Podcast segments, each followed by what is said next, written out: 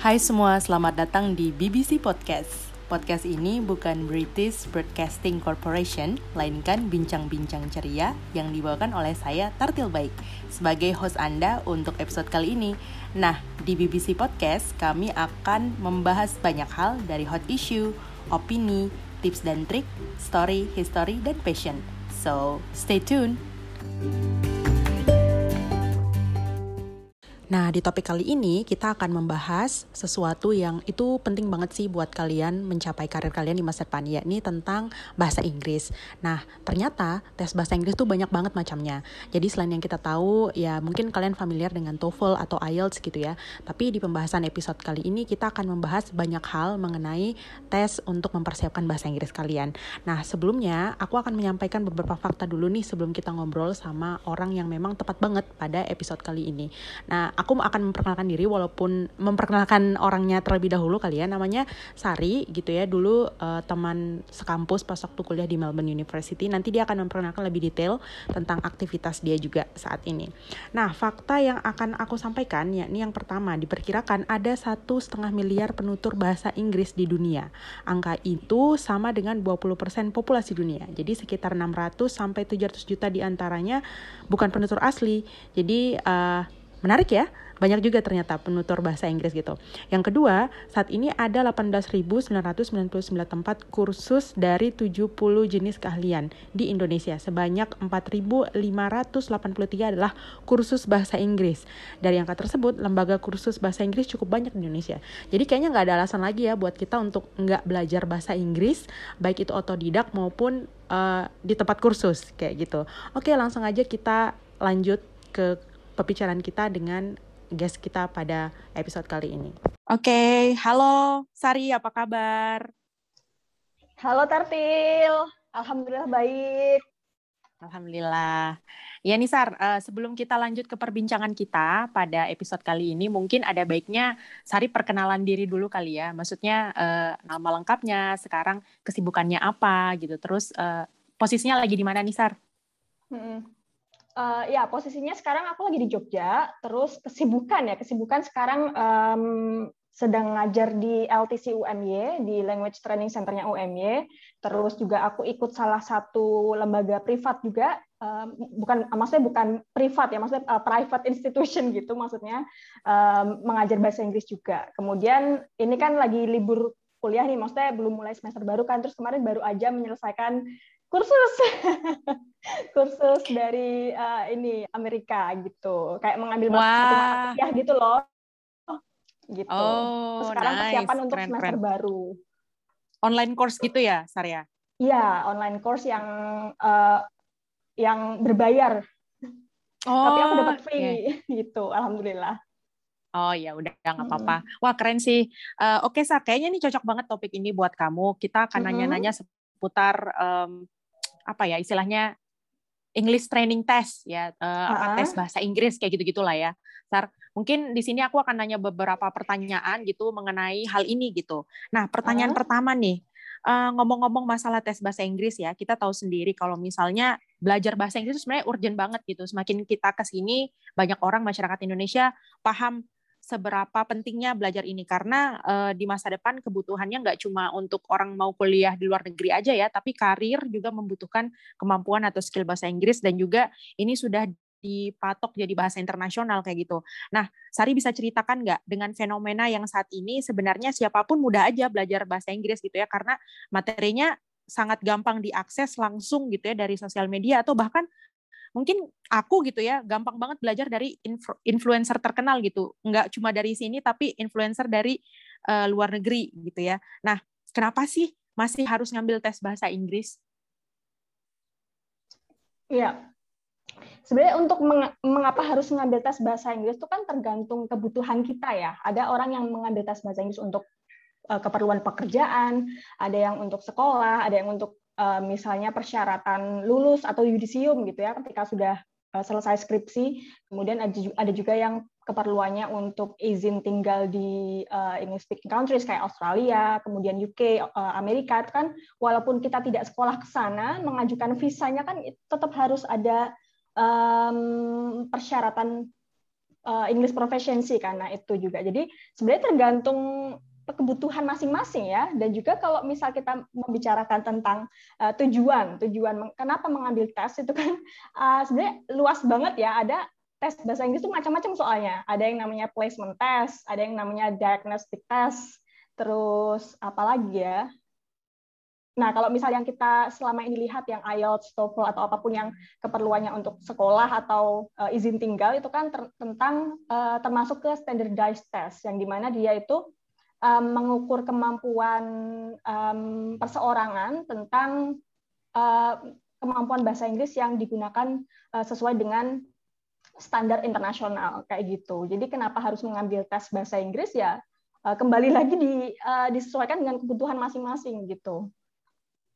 Jadi kalau misalnya kita kebutuhannya misalnya nih ya, uh, Sar, kalau misalnya nih kebetulan mm -hmm. ada aku misalnya gitu ya, ingin kan kalau di luar negeri, contohnya aku ngambil contoh uh, Australia karena itu adalah yang paling dekat dengan kita gitu ya, ya karena pernah tinggal di sana juga. Misalnya mau ikut WHV atau Work Holiday Visa gitu kan, dan di sana ada tertera uh, apa harus pakai tes bahasa Inggris uh, IELTS for General kalau kalau nggak salah ya. Nah, sedangkan aku punyanya akademik itu bisa nggak sih dipakai atau gimana tuh?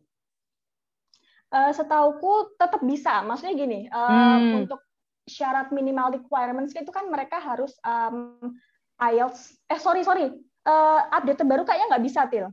Jadi memang hmm. harus persya sesuai persyaratan ter, uh, sesuai yang tertulis itu. Cuman sebenarnya tergantung sih, maksudnya tergantung lembaga lembaga um, lembaga yang mengeluarkan gitu. Kalau setauku untuk saat ini Australia itu um, hanya bisa hanya bisa meng, apa, mengeluarkan visa itu yang sesuai persyaratan kita. Jadi kalau misal mereka mensyaratkan uh, apa IELTS untuk general ya harusnya IELTS for general kayak gitu. Kalau hmm. mereka mensyaratkan IELTS untuk akademis ya berarti harus harus yang akademis seperti itu. Oke, okay, baik. Uh, correct me if I'm wrong ya, Sari. Uh, tolong dikoreksi kalau misalnya salah. Jadi teman-teman mungkin yang bingung nih IELTS itu apa sih? Jadi IELTS itu salah satu tes bahasa Inggris ya, Sari yang tadi Sari sampaikan bahwa itu sudah standardized, tapi tipenya ada dua, jadi akademik sama general. Akademik ini yang biasanya digunakan untuk para scholars atau uh, mahasiswa-mahasiswa yang mau kuliah di luar negeri untuk masuk ke universitas gitu ya. Kalau misalnya general itu untuk mereka yang datang ke sana misalnya bekerja gitu untuk periode waktu tertentu. Benar gitu ya, Sari ya? Iya. Mm -hmm. Oke, okay. sip. Uh, pertanyaan berikutnya kita mungkin dalam bahasa Indonesia ini aku ngomong ini ya apa namanya pembahasan yang agak sedikit berbeda gitu ya, ya. mengenai uh, bagaimana kita mengungkapkan bahasa gitu ya kita dalam bahasa Indonesia kan ada ya klasifikasinya uh, I think semua bahasa juga punya klasifikasi yang sama maksudnya mereka punya bahasa yang baku dan bahasa yang tidak baku kayak gitu.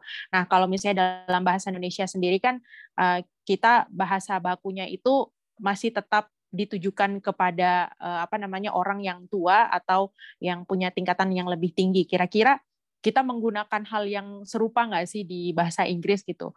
Walaupun memang sebenarnya ada bahasa yang baku, tapi apakah memang harus uh, berbicara sesuatu yang memang susah dipahami atau gimana tuh sama uh, orang yang mungkin lebih tua daripada kita, apalagi supervisor atau dosen kita gitu. Kalau misalnya kuliah di luar negeri gitu, Sar. Ya, jadi ini terkait penggunaan bahasa ya. Penggunaan bahasa mm -hmm. apakah kalau bahasa Indonesia kan ada ada pembedanya yaitu bahasa baku dan tidak baku gitu kan. Tapi di bahasa mm -hmm. Inggris itu nggak ada seperti itu.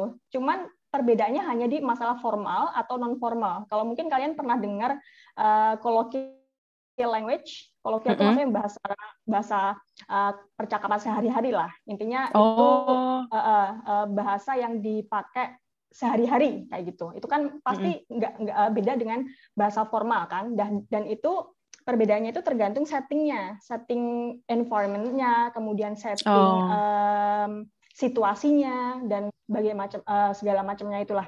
Nah untuk yang formal setting kayak misalnya di rapat, di uh, upacara, di pidato atau yang atau setting formal lainnya, kemudian untuk non formal itu di kayak bahasa tongkrongan sehari-hari lah istilahnya yeah. kayak hmm. gitu.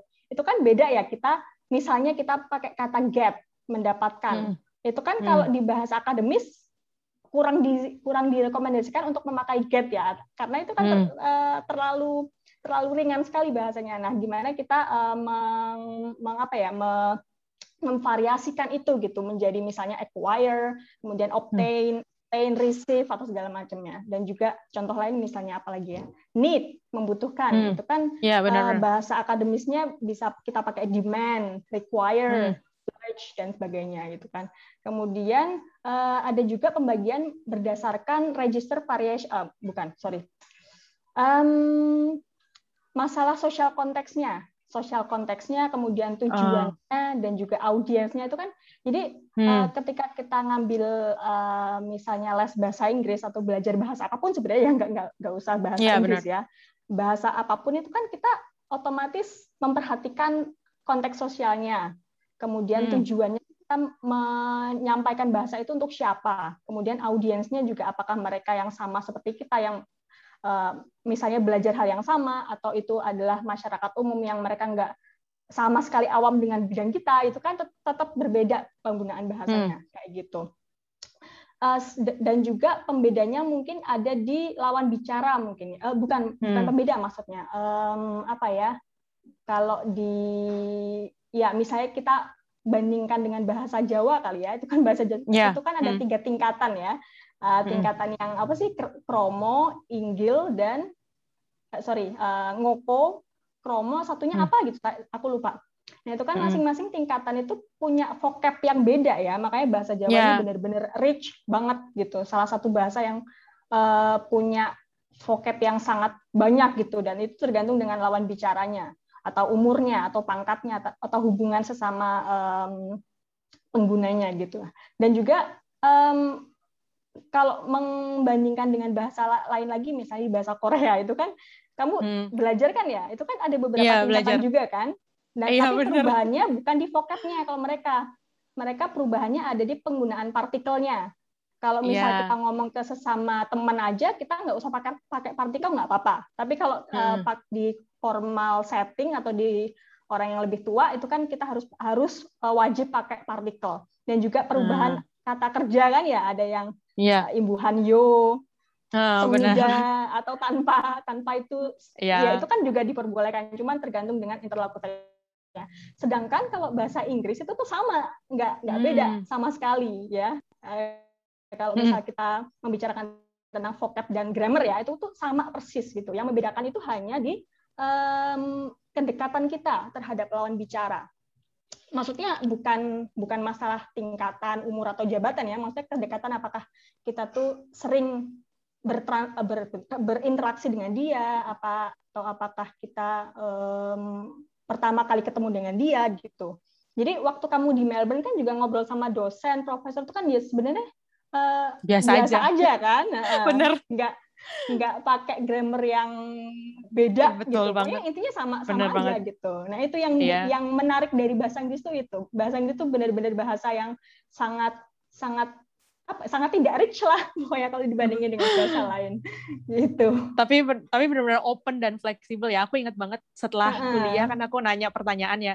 Wah aku nanya aja sih, nanyanya udah bukan yang kayak aku pelajarin bahasa Inggris yang kita Betul. do you lala udah nggak nggak pakai yes, kayak gitu langsung nanya aja kayak eh, I want to ask you question, you think? Kayak gitu udah nggak atau udah gitu. Jadi tapi uh, dia kayak gimana ya dosennya ya selama dia paham dan itu di luar dari maksudnya ya selama dia paham dan bisa menjelaskan dan kenapa enggak gitu. Asal bukan di writing ya bukan di academic writing, academic writing itu kan hmm. udah beda ranah gitu Yes, ah, menarik, benar, menarik, benar. menarik. Hmm.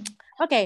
next question. Mungkin uh, buat yang asal belajar bahasa Inggris ya, kayak aku gini, maksudnya kan banyak ya kita anggaplah orang yang nggak proper bahasa belajar bahasa Inggris adalah mereka yang udah dapat apa exposure bahasa Inggris uh, sedari mereka kecil gitu ya, atau dari musik atau dari film atau dari buku gitu ya. Itu menurut aku nggak proper nih ya walaupun itu memang bisa dijadikan salah satu uh, apa cara untuk meningkatkan skill bahasa Inggris. Nah, buat orang-orang yang kayak kita gini ya, yang belajar bahasa Inggris dengan asal gitu ya, tanpa tahu seluk-beluknya seperti uh, sertifikat bahasa Inggris dan lain sebagainya kan kita kan cuma taunya oh sertifikat bahasa Inggris cuma TOEFL aja nih gitu.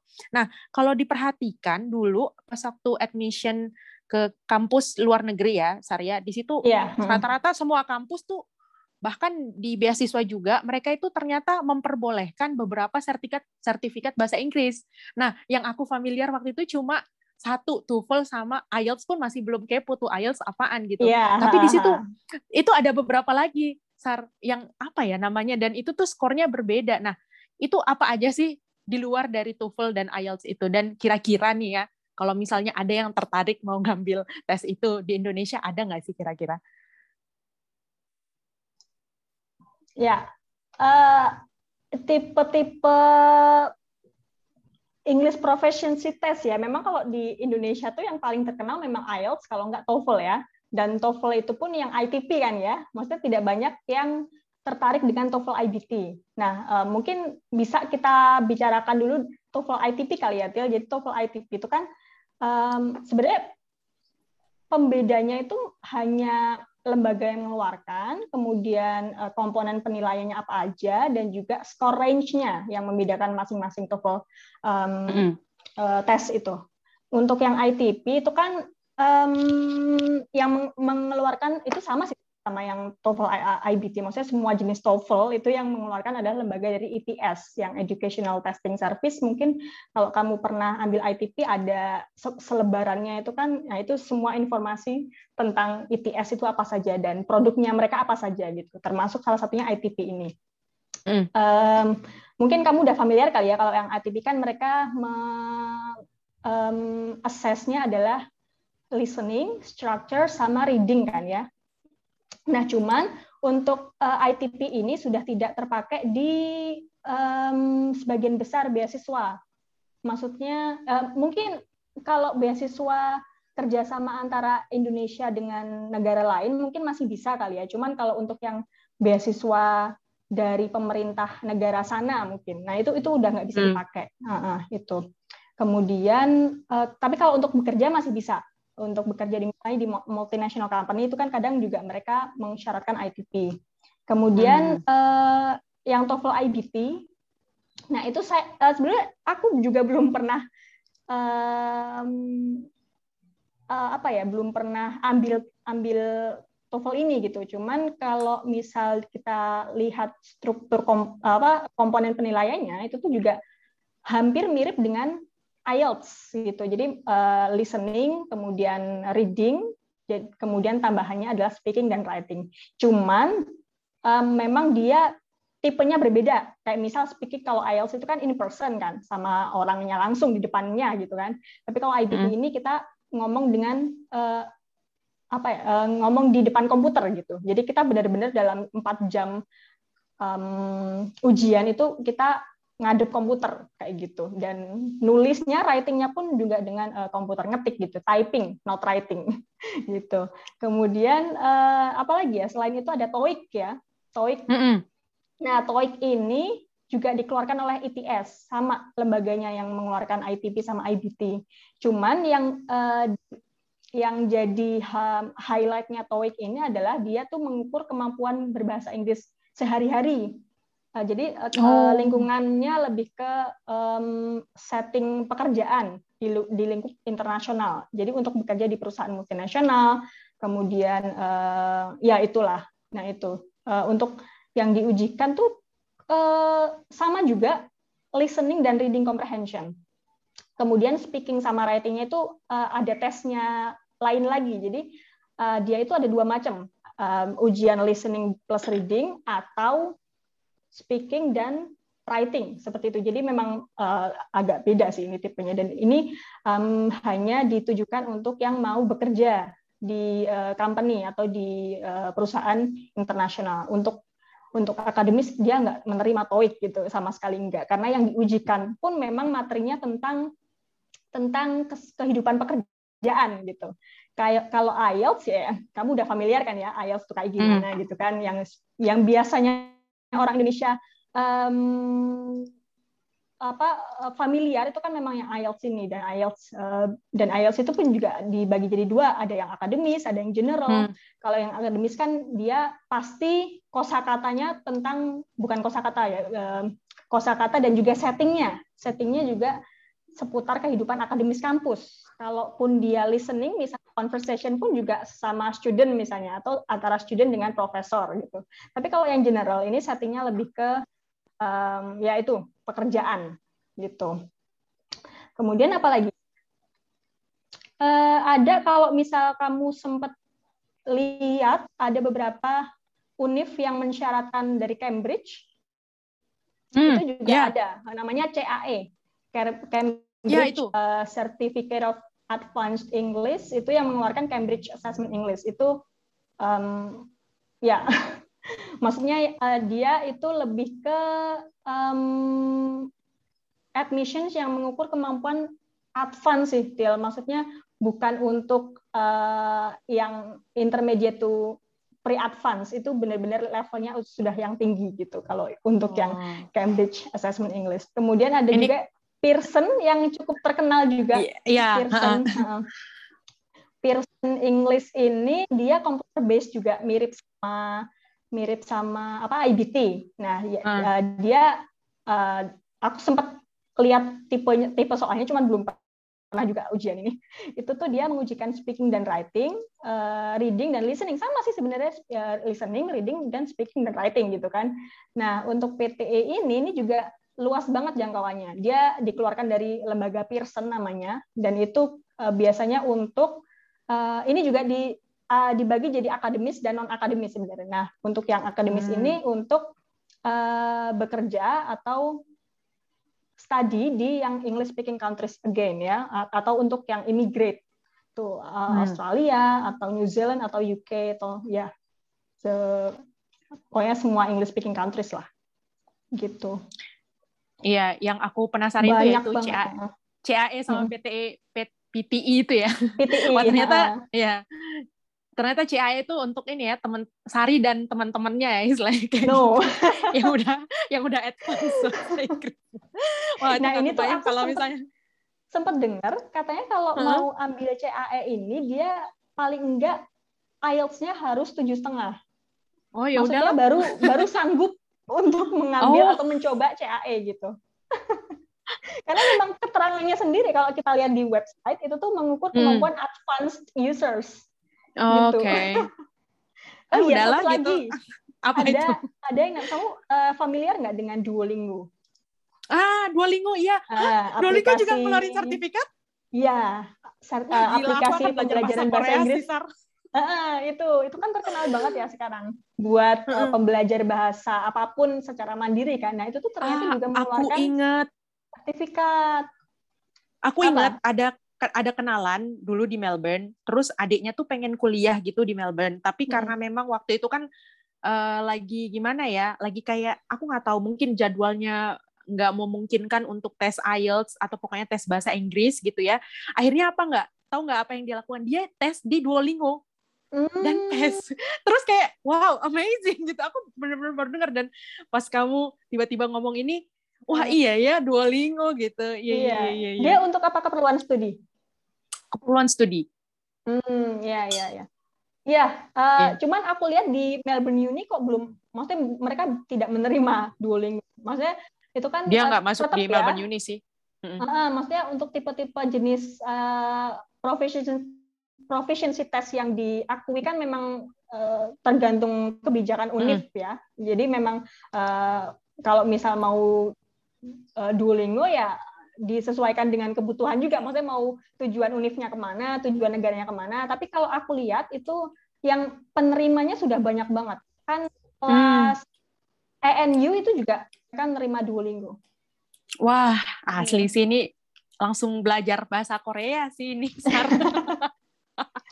iya. Asli sih, tapi memang maksudnya belajar sendiri itu memang tantangannya lebih besar sih, lebih enak emang belajar bareng seseorang, mm-hmm. teman, kelompok gitu biar ada yang ngingetin gitu kan. Mm-hmm. Anyway, uh, kita mungkin agak sedikit bergeser dari topik uh, apa topik ba- tes bahasa Inggris gitu ya, mm-hmm. Jadi uh, kita mau ngomong tentang perspe, uh, ya persepsi orang-orang ketika anak-anak zaman sekarang tuh ngomong Inggris gitu ya di masyarakat. Mungkin ada yang karena telinganya nggak terbiasa mendengar beberapa orang ngomong pakai bahasa Inggris terus tiba-tiba ngomong bahasa Inggris mungkin dia ngerasa kayak ah ngomong apaan sih kayak gitu ya nah itu pun juga akhirnya membuat orang yang sebenarnya saat itu belajar bahasa Inggris kan pasti kayak langsung gimana ya tiba-tiba tiba-tiba terdiscourage dengan hal seperti itu.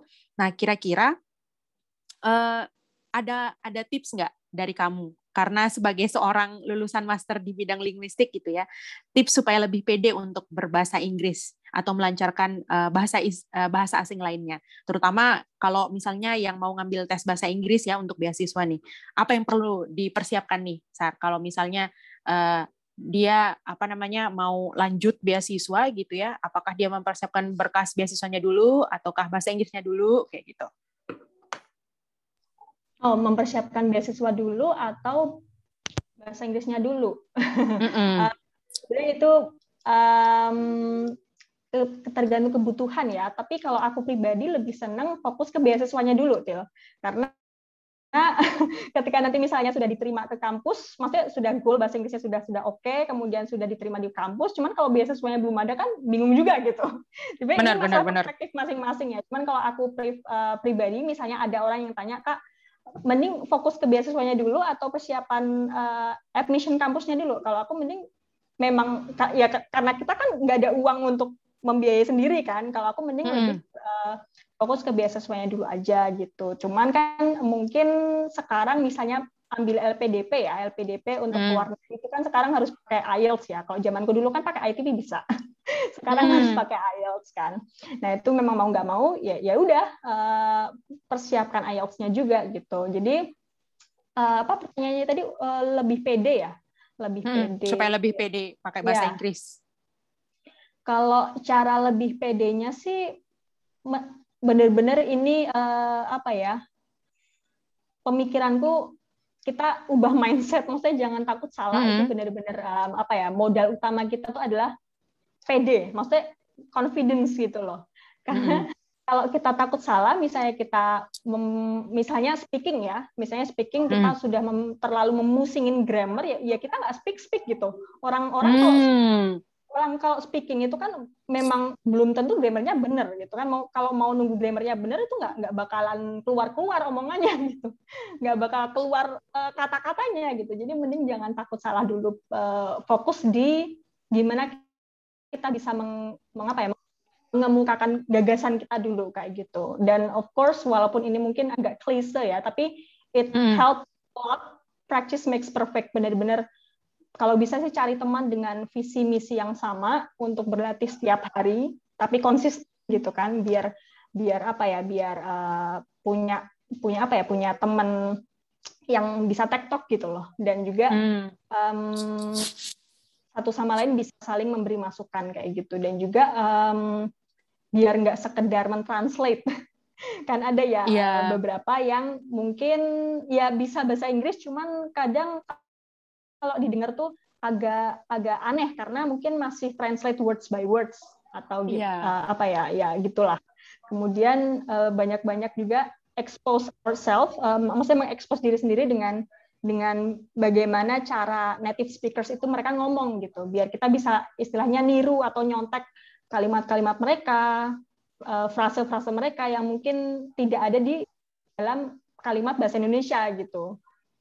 Itu kemudian uh, karena kan apa ya kan uh, tingkatan seseorang menguasai bahasa itu kan ada yaitu pertama kali kan kita belajar dengan dengan cara translating kan words hmm. by words kemudian translating sentences kemudian setelah itu uh, misalnya apa ya udah bisa berpikir dalam bahasa Inggris kalau bisa hmm. udah bisa berpikir dalam bahasa Inggris kan kalimat akan lebih ngeflow akan lebih Betul. smooth gitu kan Kemudian ini katanya sih, aku juga nggak tahu ini ada mungkin mitos kali ya. Uh, level tertinggi itu kita udah bisa bermimpi dalam bahasa Inggris. Oh my god. Bermimpi. Iya, jadi karena itu kan mempengaruhi alam alam bawah sadar kita ya. Maksudnya betul, menguasai betul, bahasa betul. itu. Gitu. Uh, kemudian um, untuk mempersiapkan basis itu juga pahami dulu bahasa Inggris akademis kita apakah kita udah siap apa belum nih? Udah mantap apa hmm. belum nih? Jangannya kita kepengen teman-teman kita yang misalnya kuliah di luar negeri um, kelihatannya enak ya, terus lihat di Instagram feed mereka kok enak banget ya, aku juga pengen nah. Terus hmm. tiba-tiba nekat tes. Nah, itu kan takutnya nanti ketika tes tidak um, meraih nilai yang diharapkan kan sayang juga biayanya kan mahal kan semua jenis tes itu. Gitu. Kemudian uh, putuskan juga mau tes apa gitu. Maksudnya tes apakah IELTS kah kemudian uh, TOEFL IBT kah atau apa atau Pearson kah. Karena beda tipe tes beda cara dan strategi belajarnya gitu. maksudnya kalau tanya TOEFL IBT sama IELTS tuh lebih uh, lebih gampang mana sih kak gitu uh, itu benar-benar preferensi masing-masing kan maksudnya subjektif sekali uh, mudah mana gitu. Cuman yang jelas lebih mudah mana yang lebih familiar sama kita gitu. Kalau hmm. tanya aku ya karena aku lebih familiar sama IELTS ya mudah mudah lebih mudah IELTS gitu. Terus ya kalau misal udah kenalan dengan tipe tesnya itu kan kita udah tahu jumlah soalnya kemudian tipe soalnya dan juga uh, waktu waktu apa waktu pengerjaannya kita bisa mandiri drilling soal kayak gitu. Mm. latihan mandiri drilling soal agar terbiasa dulu nih mengerjakan soal-soal tipe tersebut gitu. Kemudian kan kita udah drilling banyak soal udah tahu di mana kelemahan dan kelebihan kita. Misalnya ketika kemarin um, drilling IELTS ya kita readingnya udah oke okay nih udah maksudnya ketika dicocokkan dengan kunci jawaban udah udah banyak yang uh, bagus. Tapi ketika writing kok nilaiku masih di bawah eh, 6 terus misalnya kan itu hmm. belum lulus ya misalnya kan uh, writing minimal enam setengah misalnya itu kok belum lulus lulus nah itu kan berarti udah tahu kelemahannya di writing nah hmm. setelah tahu kelemahan di writing ya udah bisa ambil kursus intensif kursus intensifnya juga kursus writing itu um, kursus ke orang yang memang udah expert di dalam writingnya itu gitu. Kalau bisa juga deket-deket waktu ujian karena kan kita bener-bener gampang lupa ya. Jadi hmm. kursus intensifnya itu kalau bisa deket-deket waktu ujian sehingga lebih efektif lagi dan kita uh, apa ya uh, latihannya kemarin nggak sia-sia kayak. Gitu. Iya, kalau latihannya udah lama, maksudnya intensinya udah lama, nanti kata-kata yang keren nggak muncul biasanya gitu. Iya, benar. Strateginya udah lupa semua juga. Iya, jadi FYI buat siapa pun yang mengambil tes bahasa Inggris, jadi tes bahasa Inggris itu bukan cuma 100-200 ribu ya sekarang ya. Mungkin zaman dulu itu jumlah jumlah segitu mahal tapi beneran itu kayak sampai tiga jutaan ya. Maksudnya yes. tiga jutaan lebih kurang tiga juta. aja gitu.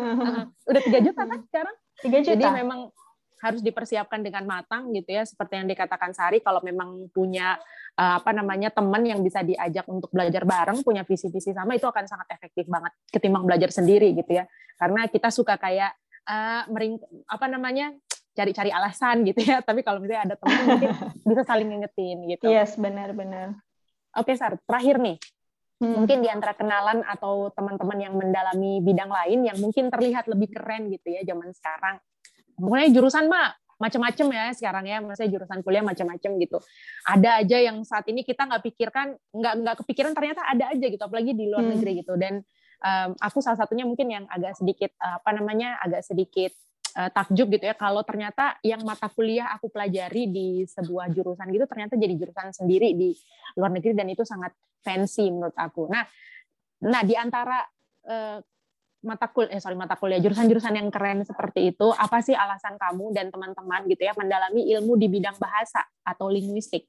Mungkin bisa membuka cara pandang orang-orang nih. Kalau misalnya apa yang sebenarnya kamu dan teman-teman yang lain pelajari ini lebih dari sekedar perkiraan masyarakat pada umumnya Oh ya, uh, tentang perspektif orang-orang ya. Jadi aku mau cerita dulu nih. Uh, jadi ketika aku dulu pertama kali di Melbourne itu kan uh, uh, ditanyain, maksudnya um, what are you studying gitu kan? Terus aku uh, I study applied linguistics. Kemudian mereka tanya, so how many languages do you speak? Jadi dikirain aku tuh bisa banyak bahasa. Padahal kan enggak. I study language, I study linguistics doesn't mean I can speak those languages in the world gitu kan maksudnya yaitu um, uh, linguistik itu benar-benar ilmunya tuh luas banget ya um, ketika aku di Melbourne juga aku ketemu sama teman-teman yang backgroundnya tuh S1-nya tuh bermacam-macam gitu. Ada yang dari pendidikan, ada yang dari sastra. Nah, applied linguistics ini tuh ada di tengah-tengah. Jadi jangkauannya luas. Intinya adalah itu studi bahasa kaitannya dengan uh, masyarakat, kemudian pendidikan, uh, pengajaran bahasa, kemudian testing and assessment yang hubungannya dengan IELTS dan TOEFL itu, kemudian uh, teknologi, uh, psikologi juga ada, kemudian uh, diskurs tertulis, misalnya penggunaan bahasa dalam surat kabar, iklan, jurnalisme, gitu-gitu. Kemudian uh, diskurs lisan juga ada yang terkait dengan pidato, uh, ya dan sebagainya lah. Nah itu kalau misalnya um, hubungannya dengan masyarakat atau society itu um, bagaimana bahasa itu merep, me, apa ya, merepresentasikan identitas gitu. Ketika misalnya kita ditanya dalam uh, dalam lingkup internasional ya, kemudian kita ngomong bahasa bahasa Inggris, nah itu kan kita ada identitas sendiri bahwa aku aku apa ya, aku termasuk um, global netizen gitu misalnya. Kemudian um, di apa ya bidang spesifik yang cukup populer di kampus itu uh, kaitannya dengan pendidikan. Pendidikan itu maksudnya kaitannya dengan apa, uh, bagaimana strategi mengajar untuk anak misalnya. Kemudian apakah uh, ya itu kan maksudnya mengajar untuk anak dan adult itu kan tetap berbeda ya pendekatannya, kemudian strateginya, kurikulumnya, kemudian misalnya ISP juga. Kemudian banyak orang juga yang uh, mungkin kaitannya dengan pengajaran juga. Nah, pengajaran juga kurikulum yang tepat untuk mata kuliah misalnya essay writing itu apa? Yang jelas kan akan berbeda dengan mata kuliah uh, creative writing misalnya. Essay writing dan creative writing itu kan juga beda gitu. Karena uh, kenapa kita harus um, apa ya harus belajar ini karena kan memang banyak orang bisa bahasa Inggris, tapi kan tidak semua bisa mengajarkan kan. Jadi ya itu kenapa kok masih banyak sekali uh, lembaga bahasa Inggris yang yang diminati gitu, masih yang laku gitu. Walaupun sekarang banyak sekali um, misalnya akun YouTube yang uh, mereka ada akun untuk uh, how to study English effectively misalnya. Nah, itu tuh masih banyak sekali yang uh, laku. Gitu. Kemudian untuk kaitannya dengan testing and assessment, uh, ini kita belajar uh, apa yang perlu diujikan agar betul-betul uh, istilahnya merepresentasikan kemampuan kita gitu apakah nanti aksen itu penting nggak untuk dinilai. Kemudian komponen apa aja yang perlu dinilai dalam misalnya IELTS, TOEFL itu kan semuanya dalam lingkup linguistik til gitu. Kemudian apa lagi ya? Nah kaitannya dengan teknologi. Nah ini bidang yang kemarin aku ambil, yang aku ambil kursus itu. Ini um, karena di era global ini kan gimana cara kita bisa lebih mandiri belajar. Seperti misalnya membuat Duolingo itu kan mereka juga uh, gimana caranya menarik orang-orang agar tertarik untuk menginstal Duolingo, kemudian uh, apa ya mempelajari bahasa dan juga tetap apa ya tetap uh, tetap engage di dalam komunitas Duolingo itu kayak gitu. Kemudian juga kalau di yang sangat dengan sangat dekat dengan kehidupan kita juga seperti aplikasi belajar bahasa, Google Translate misalnya, uh, Merriam-Webster, Cambridge, hmm. Grammarly, itu kan banyak sekali orang pakai. Kemudian spell checker juga, itu kan semuanya kaitannya dengan teknologi dan uh, linguistik. Nah itu makanya kenapa kok bisa uh, apa ya banyak orang yang tertarik untuk belajar um, linguistik ini. Oh dan juga yang paling menarik juga itu uh, tentang psycholinguistik yang psikologi. Misalnya kenapa anak itu bisa oh. speech delay, terus bagaimana cara hmm. membuat, uh, maksudnya bagaimana cara mengajarkan agar mereka bisa bilingual sejak dini misalnya. Uh, hmm. Ingat Fatihin kan ya, Fatihin kan dia juga belajarnya itu. Uh, ingat, ingat, ingat. Speech patologi. Nah itu dia lebih uh. menganalisis kenapa anak itu bisa terlambat ngomongnya. Nah, itu, itu itu kan kaitannya dengan linguistik juga gitu. Wah, menarik ya. Jadi sebenarnya belajar bahasa sama dan linguistik ini benar-benar luas ya. Jadi nggak seperti apa yang orang-orang pikirkan. Jadi dikiranya belajar bahasa cuma nanti ujungnya selesai itu ngajar gitu ya. Tapi ternyata hmm. uh, banyak banyak aspek yang dipelajari. Salah satunya teknologi. Aku pikir sih kayaknya semua bidang itu uh, pasti mau nggak mau mereka pasti akan mempelajari aspek teknologinya ya. Karena ya kita tahu kondisi sekarang ini karena mobilitasnya sekarang dibatasi gitu kan mau nggak mau kitanya yang harus ada di apa namanya dunia maya gitu ya Betul, atau iya. apa pun yang kita pelajari itu on the screen kayak gitu menarik banget ini um, Sari topik uh, tentang how to apa namanya ya prepare your English test gitu ya nah terakhir mungkin kesimpulannya atau last remark dari Sari kesimpulan. Kesimpulannya apa ya? ya? Last, last hmm. remark deh, apa yang ingin Sari sampaikan? yang aku ingin sampaikan, uh, ya mungkin ketika ingin mengambil tes bahasa Inggris itu benar-benar perlu dipersiapkan sematang mungkin. Jadi jangan ada kata nekat, jangan ada kata coba-coba, terus ya pokoknya kita perlu kenali diri diri diri uh, dulu kemudian uh, intinya study smart lah don't study hard but study smart Oke, okay. makasih banyak Sari untuk waktunya uh, mendiskusikan uh, mendiskusikan topik ini menarik banget. Semoga kalau ada waktu dan kesempatan lain mendiskusikan hal yang serupa, mungkin uh, Sari bisa gabung sama kita lagi berbincang masalah ini ya. Makasih okay. Sar. Thank you Tartil. Sama-sama.